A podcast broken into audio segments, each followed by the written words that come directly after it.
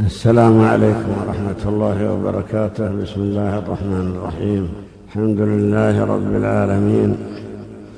صلى الله وسلم على أشرف المرسلين نبينا محمد وعلى آله وصحبه أجمعين. قراءتنا في هذا الكتاب تفيدنا استحضار عظمة الخالق سبحانه وتعالى وينتج من ذلك الاعتراف بربوبية الله والاعتراف بألوهيته وتعظيمه سبحانه وتعالى وكذلك الإيمان بأسمائه وصفاته وهكذا استحضار عظمته دائما. ليكون المؤمن في كل حالاته متواضعا خاضعا مستكينا لربه سبحانه وتعالى. يصد بقلبه عن سوى الله تعالى. إذا عرف أنه مخلوق وأن كل ما في هذا الوجود الذي يشاهده من هذه الموجودات التي على وجه البسيطة وهذه الأفلاك وهذه المخلوقات أنها كلها مخلوقة وأن الذي خلقها هو الله وحده. هو خالق كل شيء كما وردت الأدلة التي تبين عظمة الله تعالى. قال الله تعالى وما قدر الله حق قدره والأرض جميعا قبضته يوم القيامة والسماوات مطويات بيمينه. سبحانه وتعالى عما يشركون والأرض جميعا قبضته يوم القيامة. يعني إذا كان في يوم القيامة فإن الأرض تكون في قبضته مع سعتها ومع كثرة أرجائها وامتدادها. ومعها أيضا الأرضون الأخرى فإن الأراضين سابع كما في قوله تعالى الله الذي خلق سبع سماوات ومن الأرض مثلهن. نحن على هذه الأرض الواحدة ونعلم أن هناك غيرها ولا نعلم أين هي؟ ولكن الله تعالى هو العالم والسماوات السبع مطويات بيمينه يوم القيامة يدل على حقارتها وصغرها بالنسبة إلى عظمة الخالق. وكما ورد في الأحاديث التي مرت بنا وتكررت من أن الله يقبض السماوات والأرض ثم يهزهن ثم يقول أنا الملك أين ملوك الأرض؟ أين الجبارون؟ أين المتكبرون؟ ويقول الله تعالى رفيع الدرجات ذو العرش. يلقي الروح من أمره على من يشاء من عباده لينذر يوم التلاق. يوم هم بارزون لا يخفى على الله منهم شيء. لمن الملك اليوم؟ لله الواحد القهار. يوم هم بارزون يعني إذا برزوا يوم القيامة وجمعوا أولهم وآخرهم في صعيد واحد. يقول الله تعالى لمن الملك اليوم؟ لا يجيبه أحد فيجيب نفسه لله الواحد القهار. أي كل ملك قد تخلى عن ملكه والملك وحده لله في ذلك اليوم. مالك يوم الدين يوم لا أحد يملك شيئا يوم لا تملك نفس لنفس شيئا والأمر يومئذ لله. ورد عن ابن عباس ذكر في تفسير قوله تعالى وسع كرسيه السماوات والأرض يقول ما السماوات السابع والأرضون السابع في في قبضة الله تعالى إلا كحبة خردل في يد أحدكم كمثل حبة خردل في يد عبد. حب الخردل الخردل شجر كبير من شجر العضاه وحبه أصغر من حب الدخن كما هو معروف. فهذه الحبة ماذا تصغى ماذا تشغل من كف الإنسان؟ لو قبض مثلا خمسمائة حبة لا قبض عليها ولم يكن لها وقع في كفه فكيف بحبة واحدة؟ كمثل حبة خردل في يد عبد وكذلك أيضا عظمة هذه المخلوقات التي نشاهدها صغيرة وحقيرة.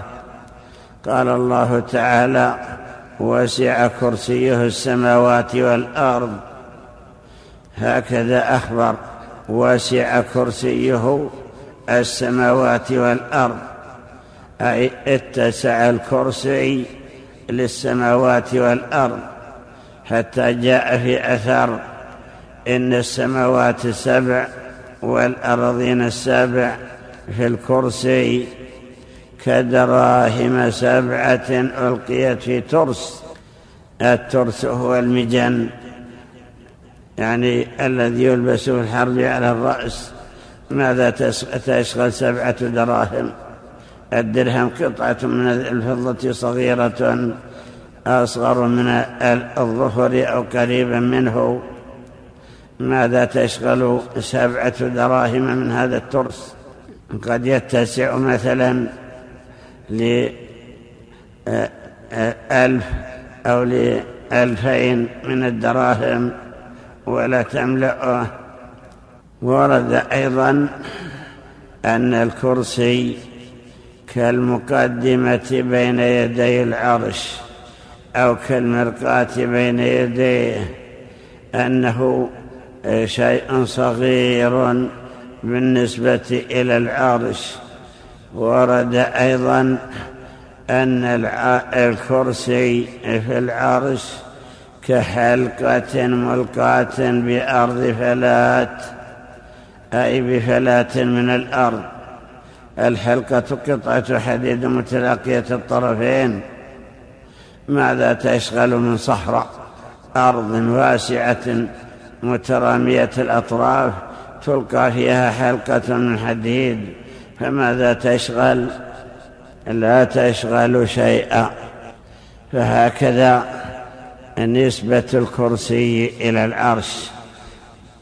وهكذا نسبة السماوات السابع والأرضين السابع إلى الكرسي. معلوم أيضا أنها كلها من خلق الله تعالى ومن إيجاده وأنه تعالى أن يحده حاد أو يصفه واصف أو يحيط به أحد. ولذلك قال تعالى ولا يحيطون به علما أي لا يحيطون علما بذاته وبكيفيته. ويقول الله تعالى ولا يحيطون بشيء من علمه إلا بما شاء لا لا يعلمون شيئا إلا ما أخبرهم به وما أطلعهم عليه. ثم نعرف أيضا أن الرب سبحانه وتعالى وصف نفسه بصفات وهذه الصفات نتحقق ثبوتها ولكن لا نكيفها. ولا يقدر أحد أن يتصور كيفيتها فالكيف مجهول عن صفات الله تعالى. وإذا عرفنا ذلك فإن هذا كله دال على صفة العظمة أو ثبوت العظمة لله تعالى وحده. ورد في الحديث قوله صلى الله عليه وسلم إن الله لا ينام ولا ينبغي له أن ينام. يخفض القسط ويرفعه يرفع إليه عمل الليل قبل النهار وعمل النهار قبل الليل. حجابه النور لو كشفه لأحرقت سبحات وجهه ما انتهى إليه بصره من خلقه. أخبر في هذا الحديث بأن لله تعالى وجها وأن للوجه سبحات وأن الله احتجب عن خلقه بهذا النور. النور الذي جعله حجابا بينه وبين الخلق ولو كشف ذلك النور لاحترق كل ما انتهى إليه بصر الله تعالى من خلقه من شدة ضوء ذلك تلك السبحات أو كما إن شاء الله تعالى. ولهذا لما سأل أبو ذر رسول الله صلى الله عليه وسلم هل رأيت ربك؟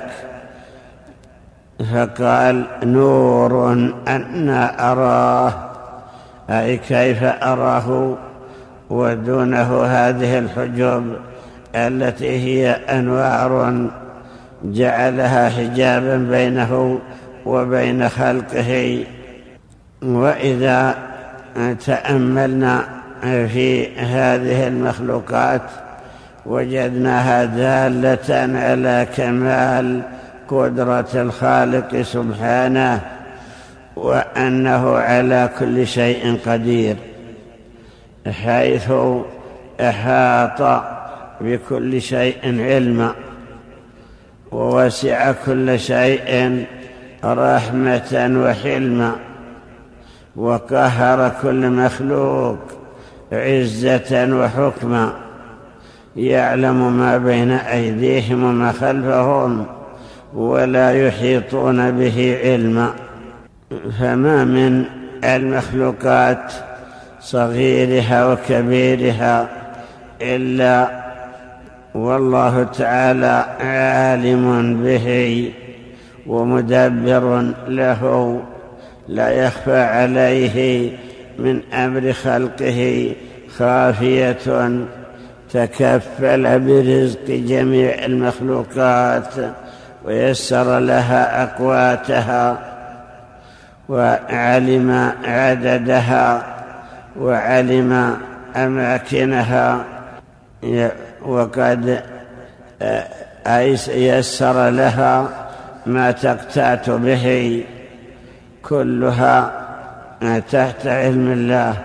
قال الله تعالى وما من دابة في الأرض إلا على الله رزقها ويعلم مستقرها ومستودعها يعلم مستقرها الذي تستقر فيه ويعلم مستودعها الذي تودع فيه إذا ماتت أين تذهب وأين يذهب بها؟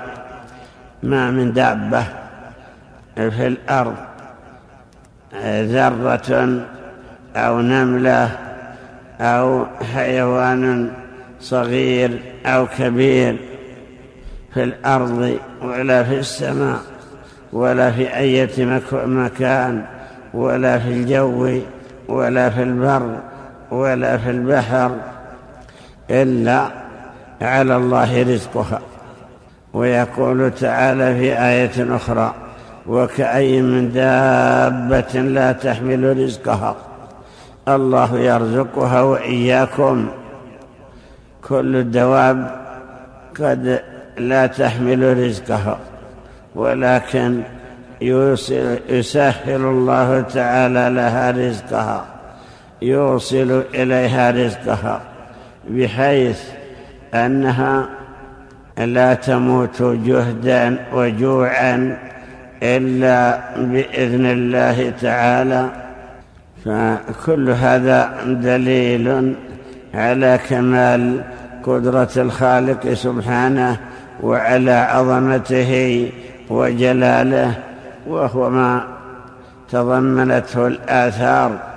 والقصص التي مرت بنا والتي تدل على سعة علم الله تعالى وكثرة مخلوقاته وأنها كلها تحت تصرفه وتقديره. فهو سبحانه يعلم مستقرها ومستودعها ويعلم ما كان وما يكون. وما لم يكن كيف كان يكون. وكذلك يعلم ما في السماوات وما في الأرض ويقوم أو يتكفل برزقها ويوصل إليها ما تحيا به ولا يخفى عليه من أمرها خافية.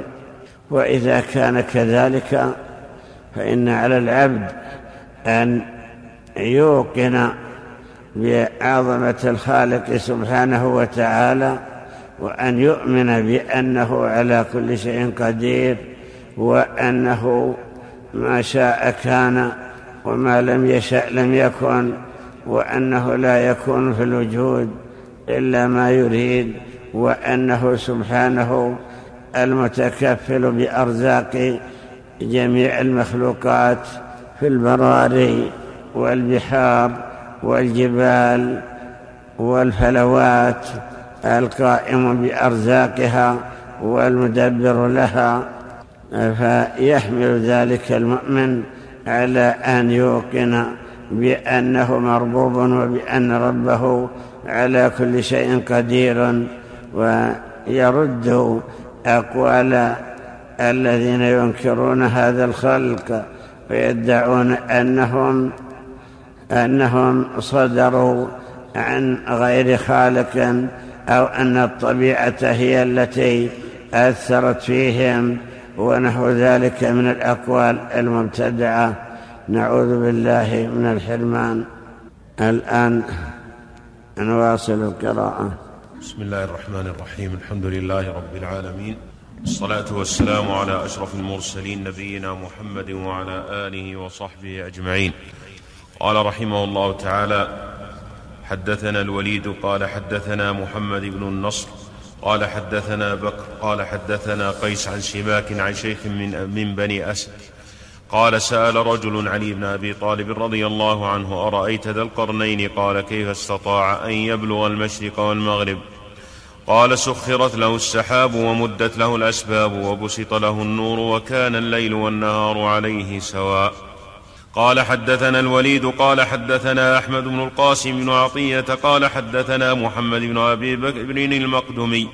قال حدثنا الفضل بن معروف القطعي قال حدثنا عون العقيلي عن أبي الورقاء أو أبي الزرقاء قال قلت لعلي بن أبي طالب رضي الله عنه ذو القرنين مما كان قرنيه قال لعلك تحسب قرنيه ذهبا أو فضة كان نبيا فبعثه الله عز وجل إلى ناس فدعاهم إلى الله عز وجل.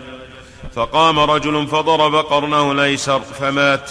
ثم بعثه الله عز وجل فأحياه. ثم بعثه إلى أناس فقام رجل فضرب قرنه الأيمن فمات. فسماه الله عز وجل ذا القرنين. قال حدثنا الوليد قال حدثنا حاتم بن يونس قال حدثنا محمد بن إبراهيم النسوي.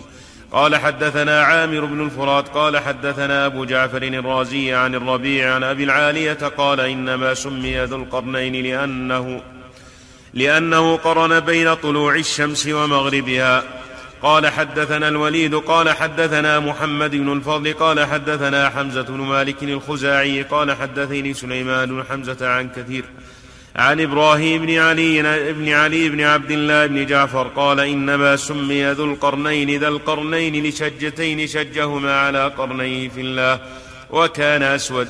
قال حدثنا محمد بن الحسن الطبركي قال حدثنا محمد بن عيسى الدامغاني قال حدثنا سلمة بن الفضل عن محمد بن إسحاق قال وقد بلغني في ذي القرنين أحاديث مختلفة من أهل العلم وقد وضعت حديث كل من حدث موضعه. وحدثني من لا أتهمه من لا أتهم عن وهب بن منبه رحمه الله تعالى أنه كان يقول كان ذو القرنين رجلا من الروم ابن عجوز من عجائزهم ليس لها ولد غيره. وكان اسمه الاسكندرليس وإنما سمي ذا القرنين لأن صفحتي رأسه كانتا من نحاس. فلما بلغ وكان عبدا صالحا قال الله عز وجل يا ذا القرنين إني باعثك إلى أمم الأرض وهم أمم مختلفة ألسنتهم مختلفة ألسنتهم كلها وهم جميع أهل الأرض ومنهم أمتان بينهما طول الأرض كله. ومنهم أمتان بينهما عرض الأرض كله وأمم منهم في وسط الأرض منهم الجن والإنس ويأجوج ومأجوج فأما اللتان بينهما طول الأرض فأمة عند مغرب الشمس يقال لها ناسك. وأما الأخرى فعند مطلعها يقال لها المنسك. وأما اللتان بينهما عرض الأرض فأمة في قطر الأرض الأيمن يقال لها هاويل. وأما التي في قطر الأرض الايسر فامه يقال لها تاويل. فلما قال الله عز وجل له ذلك قال ذو القرنين إلهي إنك قد ندبتني لأمر عظيم لا يقدر قدره إلا أنت فأخبرني عن هذه الأمم التي تبعثني إليها بأي قوم أكابرهم وبأي جمع أكابرهم وبأي حيلة أكايدهم وبأي صبر أقايس أقاسيهم. وبأي لسان أناطقهم وكيف لي بأن أفقه لغاتهم وبأي سمع أعي قولهم وبأي بصر أنفذ أنفذهم وبأي حجة أخصمهم وبأي قلب أعقل عنهم وبأي حكمة أدبر أمورهم وبأي قسط أعدل بينهم وبأي حلم أصابرهم وبأي معرفة أفصل بينهم وبأي علم أتقن أمرهم وبأي يد أسطو عليهم وبأي رجل أطعهم وبأي طاقة نحصيهم وبأي جند أقاتلهم وبأي رفق أستألفهم فإنه ليس عندي يا إلهي شيء مما ذكرت ولا نقوى عليهم ولا نطيقهم وأنت الرب الرحيم وأرحم الراحمين ولا تكلف نفسا إلا وسعها وتحملها, وتحملها إلا طاقة ولا تحملها إلا طاقتها ولا تعنتها ولا تفدحها بل أنت ترأف بها وترحمها وتعذرها وتقبل منها وتقبل منها دون جهدها وطاقتها فأوحى الله عز وجل إني سأطوق سأطوقك ما حملتك وأشرح لك صدرك فيسمع كل شيء وأشرح لك فهمك فتفقه كل شيء وأطلق لك وأبسط لك لسانك فتنطق به كل شيء.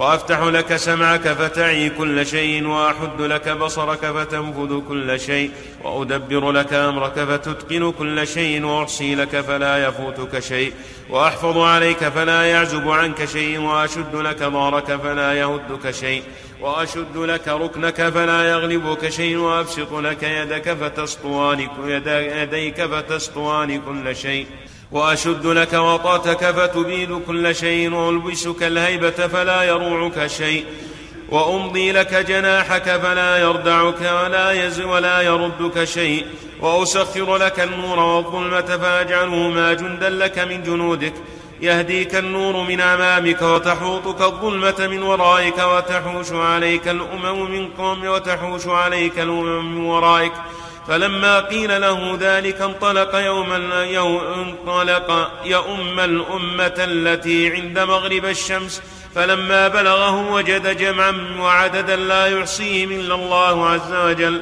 وقوة وبأسا لا يطيقه إلا الله عز وجل. وألسنة مختلفة وأهواء متشتتة وقلوبا متفرقة فلما رأى منهم ذلك كابرهم بالظلمة وضرب حولهم ثلاث عساكر منها.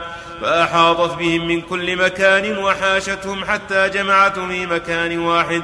ثم دخل عليهم بالنور فدعاهم إلى الله عز وجل وعبادته. فمنهم من آمن له ومنهم من صد عنه. فعمد إلى الذين تولوا عنه فأدخل عليهم الظلمة فدخلت إلى أفواههم وأنوفهم وآذانهم وأجوافهم ودخلت في بيوتهم ودورهم. وغشيتهم من فوقهم ومن تحتهم ومن كل جانب منهم فماجوا فيها وتحيروا فلما أشفقوا أن يهلكوا فيها عجوا إليه بصوت واحد فكشفا عنهم وأخذهم عنوة فدخلوا في دعوته فجند من أهل الأرض من أهل المغرب أمة عظيمة فجعلهم جندا واحدا ثم انطلق بهم يقودهم والظلمة تسوقهم من خلفهم وتحوشهم من حولهم والنور أمامه يقودهم إلى ويدله وهو وهو يسير في ناحية الأرض اليمنى وهو يريد الأمة التي في قطر الأرض الأيمن التي يقال لها هاويل. وسخر الله عز وجل له يده وقلبه ورأيه وعقله ونظره وائتماره فلا يخطئ إذا ائتمر وإذا عمل عملا أتقنه فانطلق. يقود تلك الأمم وهي تتبعه. فإذا انتهى إلى بحر أو مخاضة بنى سفنا من ألواح صغار أمثال النعال فنظمها في ساعة. ثم حمل فيها جميع من معه من تلك الأمم وتلك الجنود. فإذا قطع تلك الأنهار والبحار فتقى ثم دفع إلى كل إنسان لوح فاتقى ثم دفع إلى كل إنسان لوحا فلا يكرثه حمله فلم يزل ذلك دأبه حتى انتهى إلى هاوين فعمل فيها كعمله في ناسه. فلما فرغ منهم مضى على وجهه في ناحية الأرض اليمنى حتى انتهى إلى منسك. عند مطلع عند مطلع الشمس فعمل فيها وجند منها جنودا كفعله في الأمتين اللتين قبلهما. ثم كر مقبلا في ناحية الأرض اليسرى وهو يريد تأويل وهي الأمة التي بحيالها ويل وهما متقابلتان بينهما عرض الأرض كلها. فلما بلغها عمل فيها جندا منهما كفعله فيما قبلهما. فلما فرغ منهما عطف منها إلى إلى الأمم التي في وسط الأرض من الجن وسائر الإنس.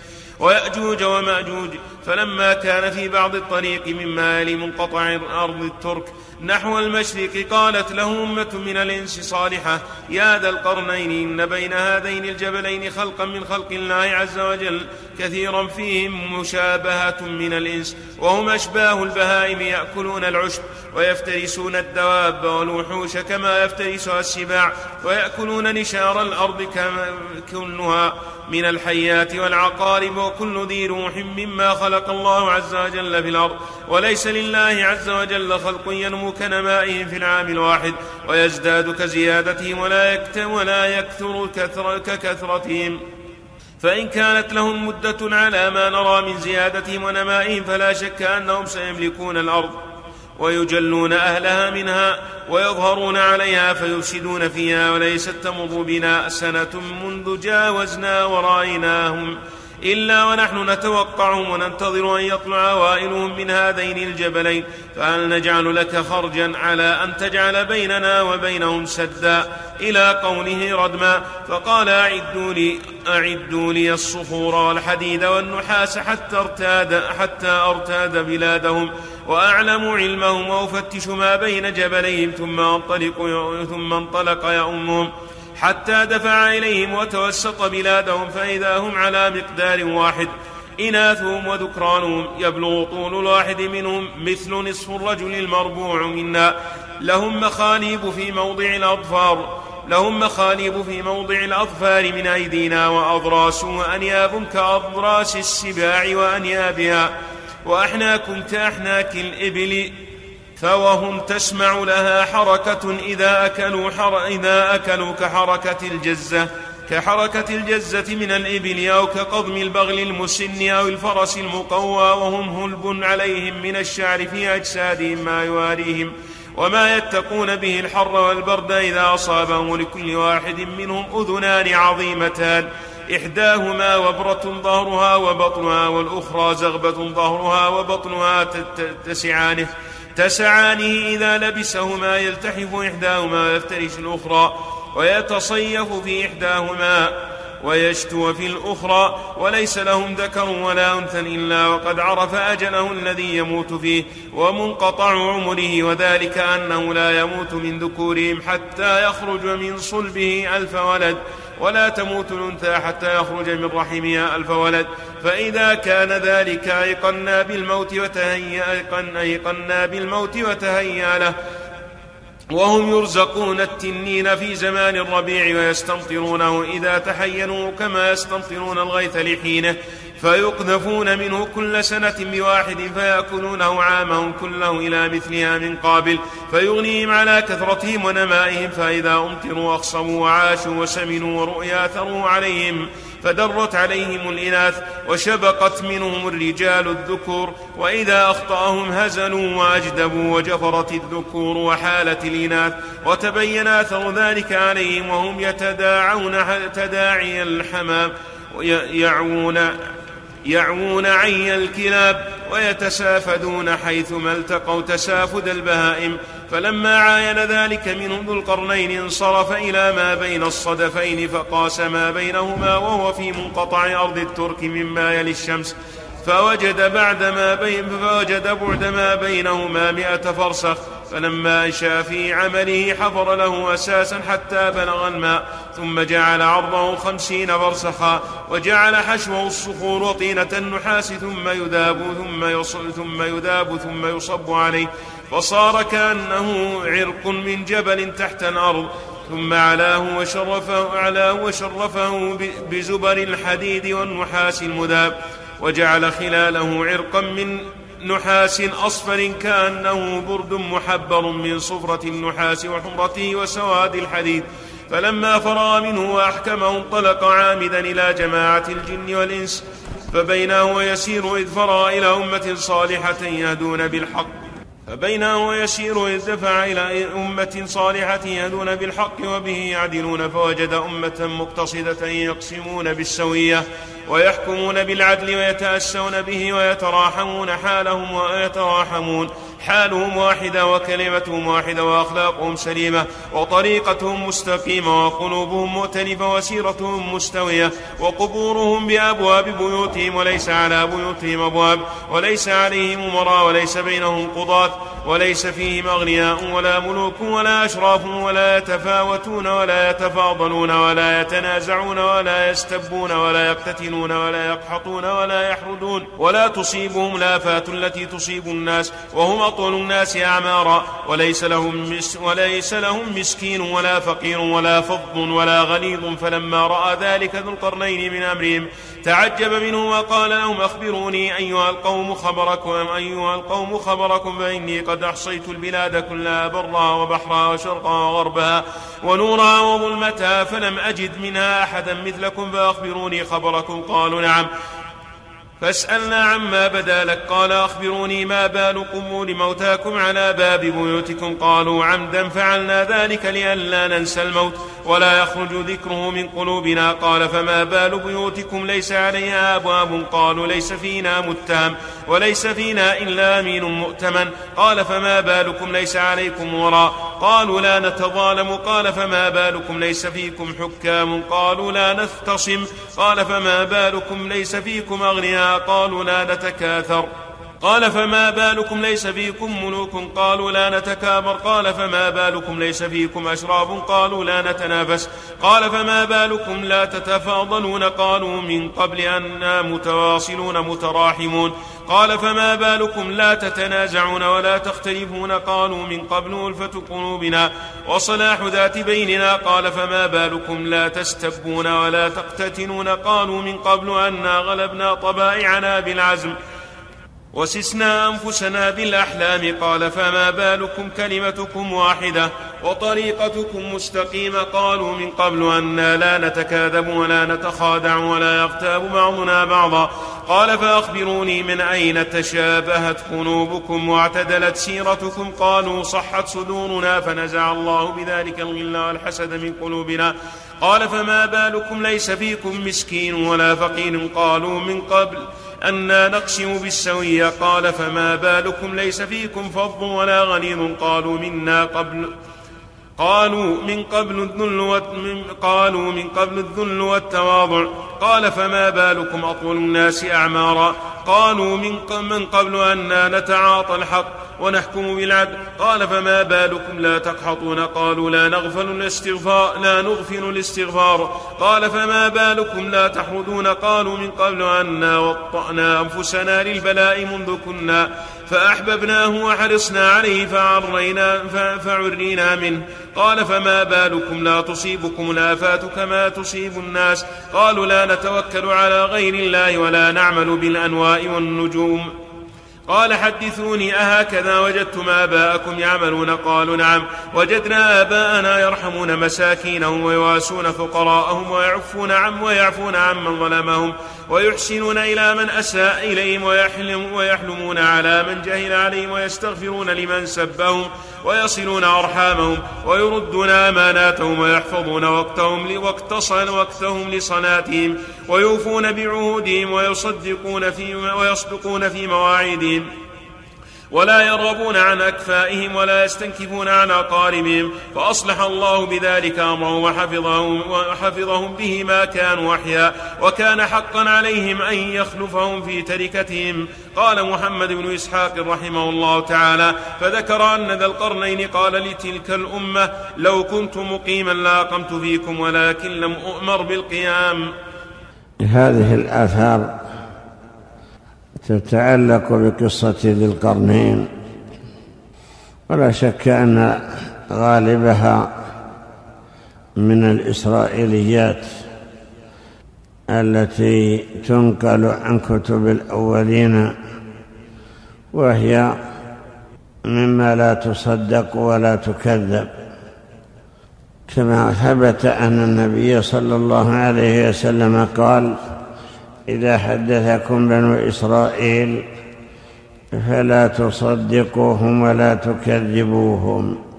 وقولوا آمنا بما أنزل إليكم وما أنزل بما أنزل إلينا وما أنزل إليكم. وإلهنا وإلهكم واحد ونحن له مسلمون. أي لا تصدقوهم في كل ما يذكرون فتصدقون كذبا ولا تكذبوهم. في كل ما ينقلون فقد يكون حقا فتكذبون بالحق وآمنوا بذلك إيمانا مجملا.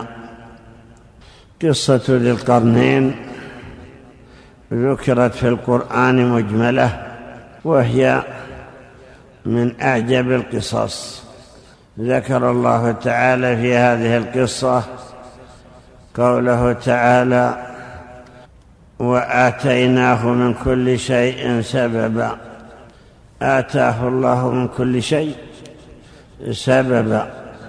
فيدل على أن الله أقدره وقواه وأعطاه ما لم يعط غيره واتيناه من كل شيء سببا. فيمكن أنها سخرت له الريح ويمكن أنها سخرت له السحب تقرب له البعيد. ويمكن أنها سخرت له المراكب التي يمكن وجودها. في ذلك الزمان كالسفن والبواخر وما أشبهها مما إذا ركبه قطع المسافة بسرعة لأن الله تعالى ذكر أنه بلغ المشرق والمغرب في قوله تعالى فأتبع سببا ذكر أنه سار بسبب سبب من الأسباب التي لا نعلم كيفيتها ولكنها من الأسباب التي أوصلته إلى مقصده. وصل إلى مغرب الشمس. ولا ندري أي جهة. لكن المكان الذي تغرب فيه يشاهدها تغرب وإن كانت تطلع على آخرين ولكنها تغرب في عين حمئة يعني في عين عين ماء أو بحر. ذكر أنها حمئة أي ذات حمأة والحمأ المسنون هو التراب الذي من كثرة نزول الماء عليه وبقائه فيه ينقلب إلى حمأ يعني إلى لون أسود. قرأها بعض القراء تغرب في عين حامية أي شديدة الحرارة. يمكن أن تكون حرارتها من الشمس. إذا سطعت فيها احمرت وحميت ولما وصل إليها لا شك أنه امتثل ما أمر الله. أمره الله بأن يدعو ويبذل الوسائل التي توصل إلى الناس الحق حتى تقوم حجة الله تعالى وحتى لا يبقى لأحد عذر في أنه ما عرف الحق. فكان يدعوهم إلى الإيمان وإلى الأعمال الصالحة لأن الله تعالى أمره بذلك. فقال تعالى قلنا يا ذا القرنين إما أن تعذب وإما أن تتخذ فيهم حسنا. تعذب من يستحق العذاب من العصاة وتحسن في من يستحق الحسنى من المؤمنين. امتثل ذلك وقال أما من ظلم فسوف نعذبه. يعني في الدنيا ثم يرد إلى ربه يعني بعد الموت فيعذبه عذابا نكرا يعذبه عذابا شديدا زيادة على عذابه في الدنيا. وهذا دليل على أنه يقاتل من كفر. ولا شك أنه قبل القتال يدعوهم إلى الإيمان. وإلى الدين وإلى عبادة ربهم ومعرفته والإنابة إليه يدعوهم إلى الصلاح وإلى الأعمال الصالحة ويبين لهم وسائلها وكيفيتها فينقسمون إلى قسمين. قسم يصرون على كفرهم وعلى عنادهم وقسم يؤمنون ويطيعون. ذكر أن الله تعالى علمه اللغات التي يتكلمون بها ويمكن أنه يستصحب من يترجم له تلك اللغات حتى يخاطبهم بما يفهمون. فإنه لا بد أن يكون هناك اختلاف لغات كما هو الواقع. فإن لكل أهل جهة عادة لغة يعرفونها ويتعارفون عليها. قد تكون تلك اللغة لا يعرفها غيرهم. فلا بد أن الله تعالى علمه هذه اللغات.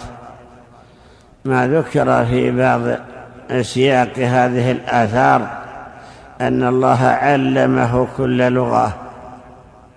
قد يكون هذا من خصائصه وقد يكون إلهاما. أنه كلما نزل بأهل بدولة أو بأهل ديانة أو بأهل لغة علمه الله كيف يخاطبهم وكيف يقيم الحجة عليهم وكيف يعاملهم حتى يفهموا عنه ما يدعوهم إليه. ثم إذا دعاهم وبين لهم وأقام عليهم الحجج ونصب لهم الدلالات فعاند أحد منهم وأصروا على ما هم عليه من الديانات فإنه يعذب من ظلم. يعذبه إما بالقتل وإما بالنفي والتشريد وإما بالضرب والتأديب. ويكون عذابه هذا زاجرا لغيره ومنبها له. وإذا قيل كيف يقدر على هؤلاء الأمم؟ الذين لا يحصي عددهم إلا الله وهو فرد واحد. فيقال يمكن أن الله تعالى قواه بأعداد أن هناك من يسير معه ويقاتل معه إلى أن ينتصر على من عاداه وعلى من خالفه ويمكن أن هذه قوة سماوية.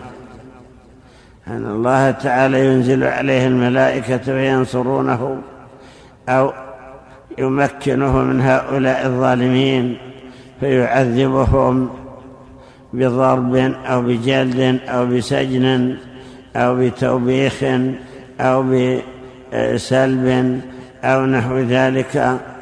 حتى يعتبروا. وأخبر بأنهم بعد موتهم وبعد قتله لهم يلاقون العذاب في الآخرة ولا يكفي عذابهم في الدنيا.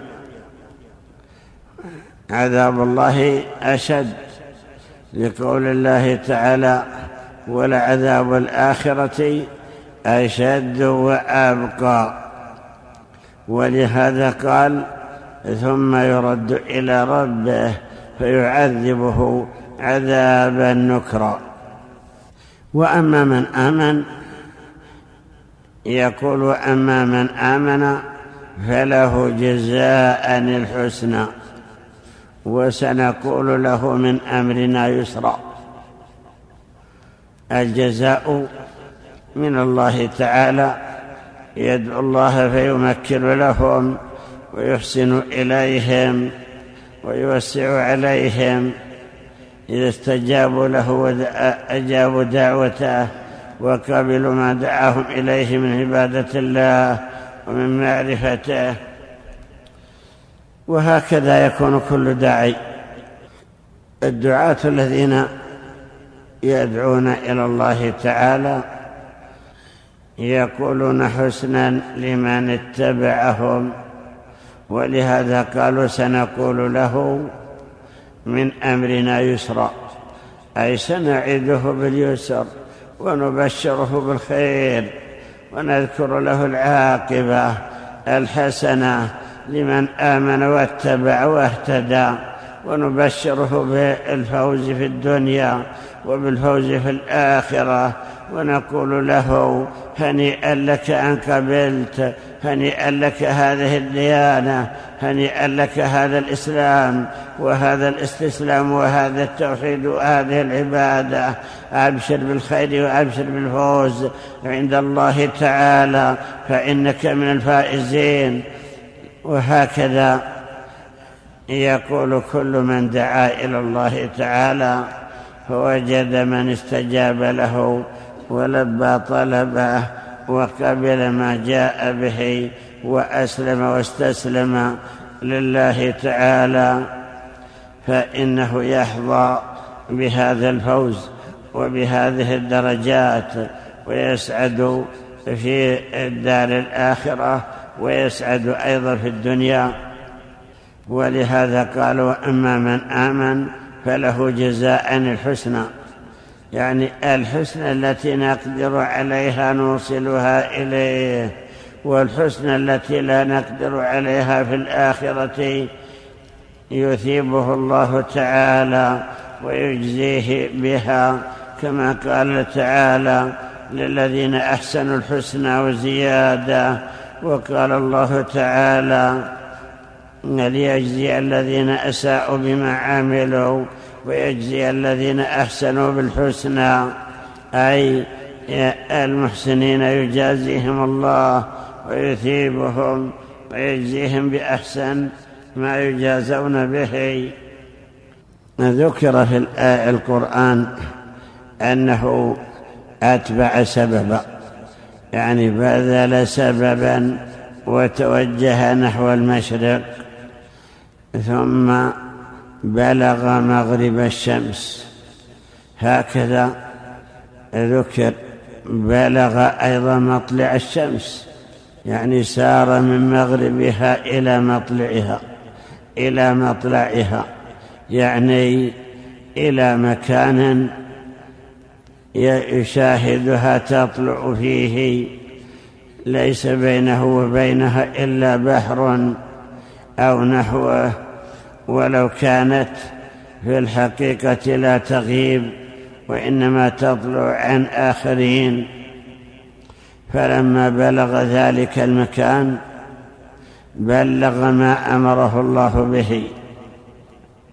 يعني عمل بما أمر الله من كونه يعذب من ظلم ويعد من أحسن وآمن. عمل بذلك. ثم بعد ذلك أتبع سببا يعني توجه إلى جهة أخرى ووصل إليها فوجد يعني لما بلغ بين السدين وجد من دونهما قوما لا يكادون يفقهون قولا. وجد قوما لا يكادون يفهمون كلامه ولا يفهم كلامهم. ولا بد أنه أتى بمن يترجم لهم ينقل لهم كلامه حتى يفهموه وينقل له كلام له كلامهم حتى يفهمه كعادة المترجمين. لا يكادون يفقهون قولا.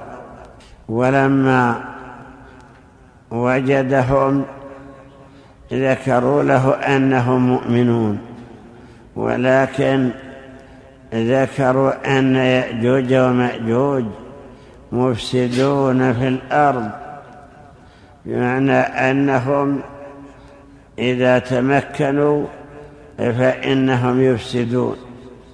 إما بالقتل وإما بنشر الرذائل وإما بالمضايقة على بعض الناس أو ما أشبه ذلك فاستأذنوه أو طلبوا منه أن يقيم سدا حاجزا مانعا بينهم وبينه بينهم وبين يأجوج ومأجوج. ووعدوه بأن يجعلوا له خرجا. أي نفقة حتى يقيم ذلك السد؟ وكأنه سهل حيث يكون بين يكون بين جبلين عظيمين والجبلان لا يستطيع أحد أن يصعدهما فعمل على هذا السد وأمر بجمع الحديد ونحوه قال آتوني زبر الحديد. الزبر جمع زبرة وهي الكومة من الحديد فجمع ما استطاع من الحديد ثم وضعه في ذلك المكان الذي بين الجبلين ثم أوكد عليه حتى ذاب ذلك الحديد وأصبح سائلا ثم أفرغ عليه قطرا يتجمد به وأصبح سدا مرتفعا. الله أعلم بقدر ارتفاعه بحيث صار سدا منيعا يعجزون عن أن يتسلقوه. ولهذا قال فما استطاعوا أن يظهروه وما استطاعوا له نقبا. يعني لم يستطع أحد من يأجوج ومأجوج أن يظهره يعني أن يصعد عليه حتى يصل إلى أعلاه. وذلك لملوسته كأنه أملس لا يستطيعون أن يصعدوا عليه ولم يستطيعوا أن ينقبوه لم يستطيعوا له نقبا أي نحتا بل هو سد منيع. يقول الله عنه هذا رحمة من ربي. يعني توفيقه لي أن أقمت هذا السد المنيع الذي بينكم وبين يأجوج ومأجوج. فإذا جاء وعد ربي جعله دكاء. إذا جاء وعد الله فإن الله تعالى يجعله دكا يدكه حتى يصير مساويا للأرض. إذا شاء الله تعالى. نكتفي بهذا. والله أعلم.